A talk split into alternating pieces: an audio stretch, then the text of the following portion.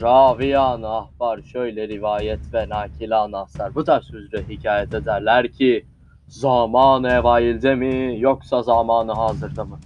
Memleketin birinde mi yoksa dünyanın herhangi bir yerinde mi? Her ne zaman ve her neredeyse gayetle utanmaz ve arlanmaz ve tabiatı fevkalade matrabaz ve zekası son derece kıt ve akıldan sakat ve fakat kurnaz mı kurnaz ve lafları dilli düdük ve kendisi hödük oğlu hödük bir kimesine varmış. Günahı ve vebali bilenlerin ve söyleyenlerin boynuna. Onun için derler idi ki dünyada analar doğuramazdı ki böyle bir hergele. Meğer ki bunun gibisi rastgele.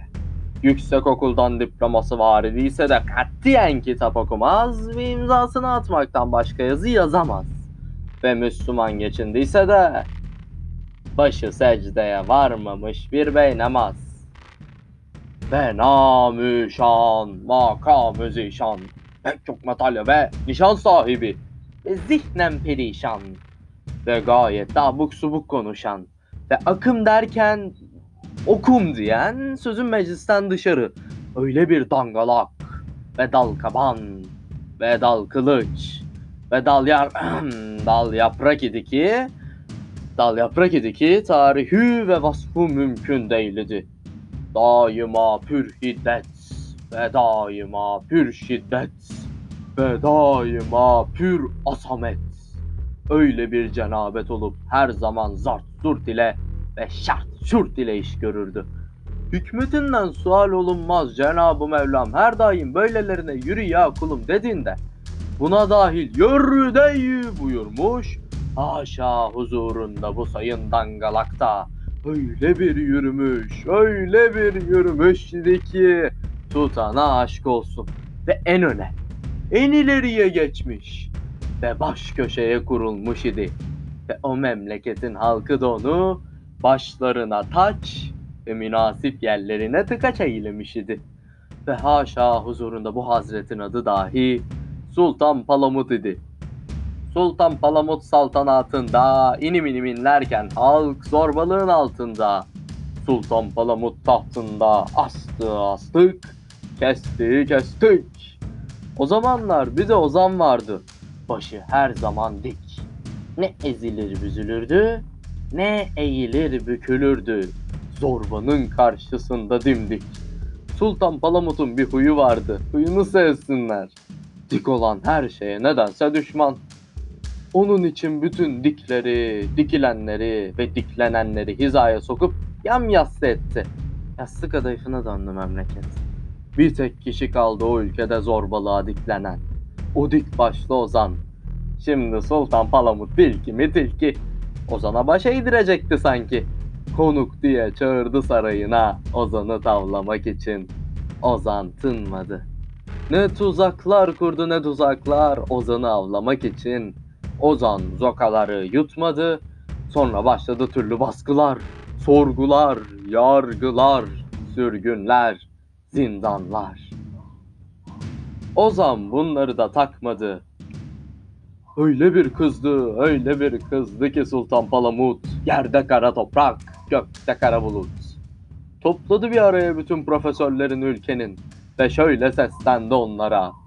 Hepinizin sakallarını, bıyıklarını kestirmedim mi? Nerede yeşerse bir umut, tankla, panzerle bastırmadım mı? Baş kaldıranları beslemektense hepsini gencecik astırmadım mı? Vatan sahtını dikensiz gül bahçesi ve dikenli tel tarlası yapmak için korku fırtınaları estirmedim mi? Öyleyse şimdi düğmelerinizi ilikleyin ve beni iyi dinleyin. Bulmalısınız ki öyle bir teknik. O dik başlı ozan sonunda düşmeli yenik. Huzuruma girerken başını eğmeli. İşte böyle sizler gibi başı yere değmeli. Bu görev hepinizin, sizlere kırk gün izin. Yiyin, ekin, her şey sizin. Yeter ki huzuruma girerken Ozan'a baş eğdirin. Profesörler yan gelip yattılar ama bilimsel. Devirip küfeye uydular ama bilimsel. Sonunda buldular Ozan'a baş eğdirmenin yöntemini. Şimdi Sultan Palamut Sarayı'nın salonunda tahtında oturacak. Salonunun kapısı öyle alçak, öyle alçak, öyle alçak yapılacak. Ozan kapıdan girmek için başını eğmek zorunda kalacak. Böylece Sultan Palamut'un huzurunda alçalacak. Profesörler buluşlarını bildirince Sultan Palamut boğuldu sevince. Sultan Palamut'un tahtını daha da yükselttiler. Yüksek mi yüksek. Bir kapı yaptılar salona alçak mı alçak. İşte Ozan bu kapıdan sokulacak. Eğerek başını iki büklüm olacak. İki silahlı muhafız saldılar araya. Ozan'ı tutuklayıp getirdiler saraya. Ozan görünce kapısını salonun anlayıp maksadını onun arkasını kapıya dönerek eğildi. Kapıdan öyle girdi. Sultan Palamut'un beti benzi uçmuştu kıçıyla girince salona Ozan. Kaldırıp dik başını konuştu. Kıçımla verdim size reverans. Bağışlayınız beni egzelans. Çünkü bir hazreti dangalak zorla geçmişse başa kıçıyla selam vermek düşer her onurlu yurttaşa.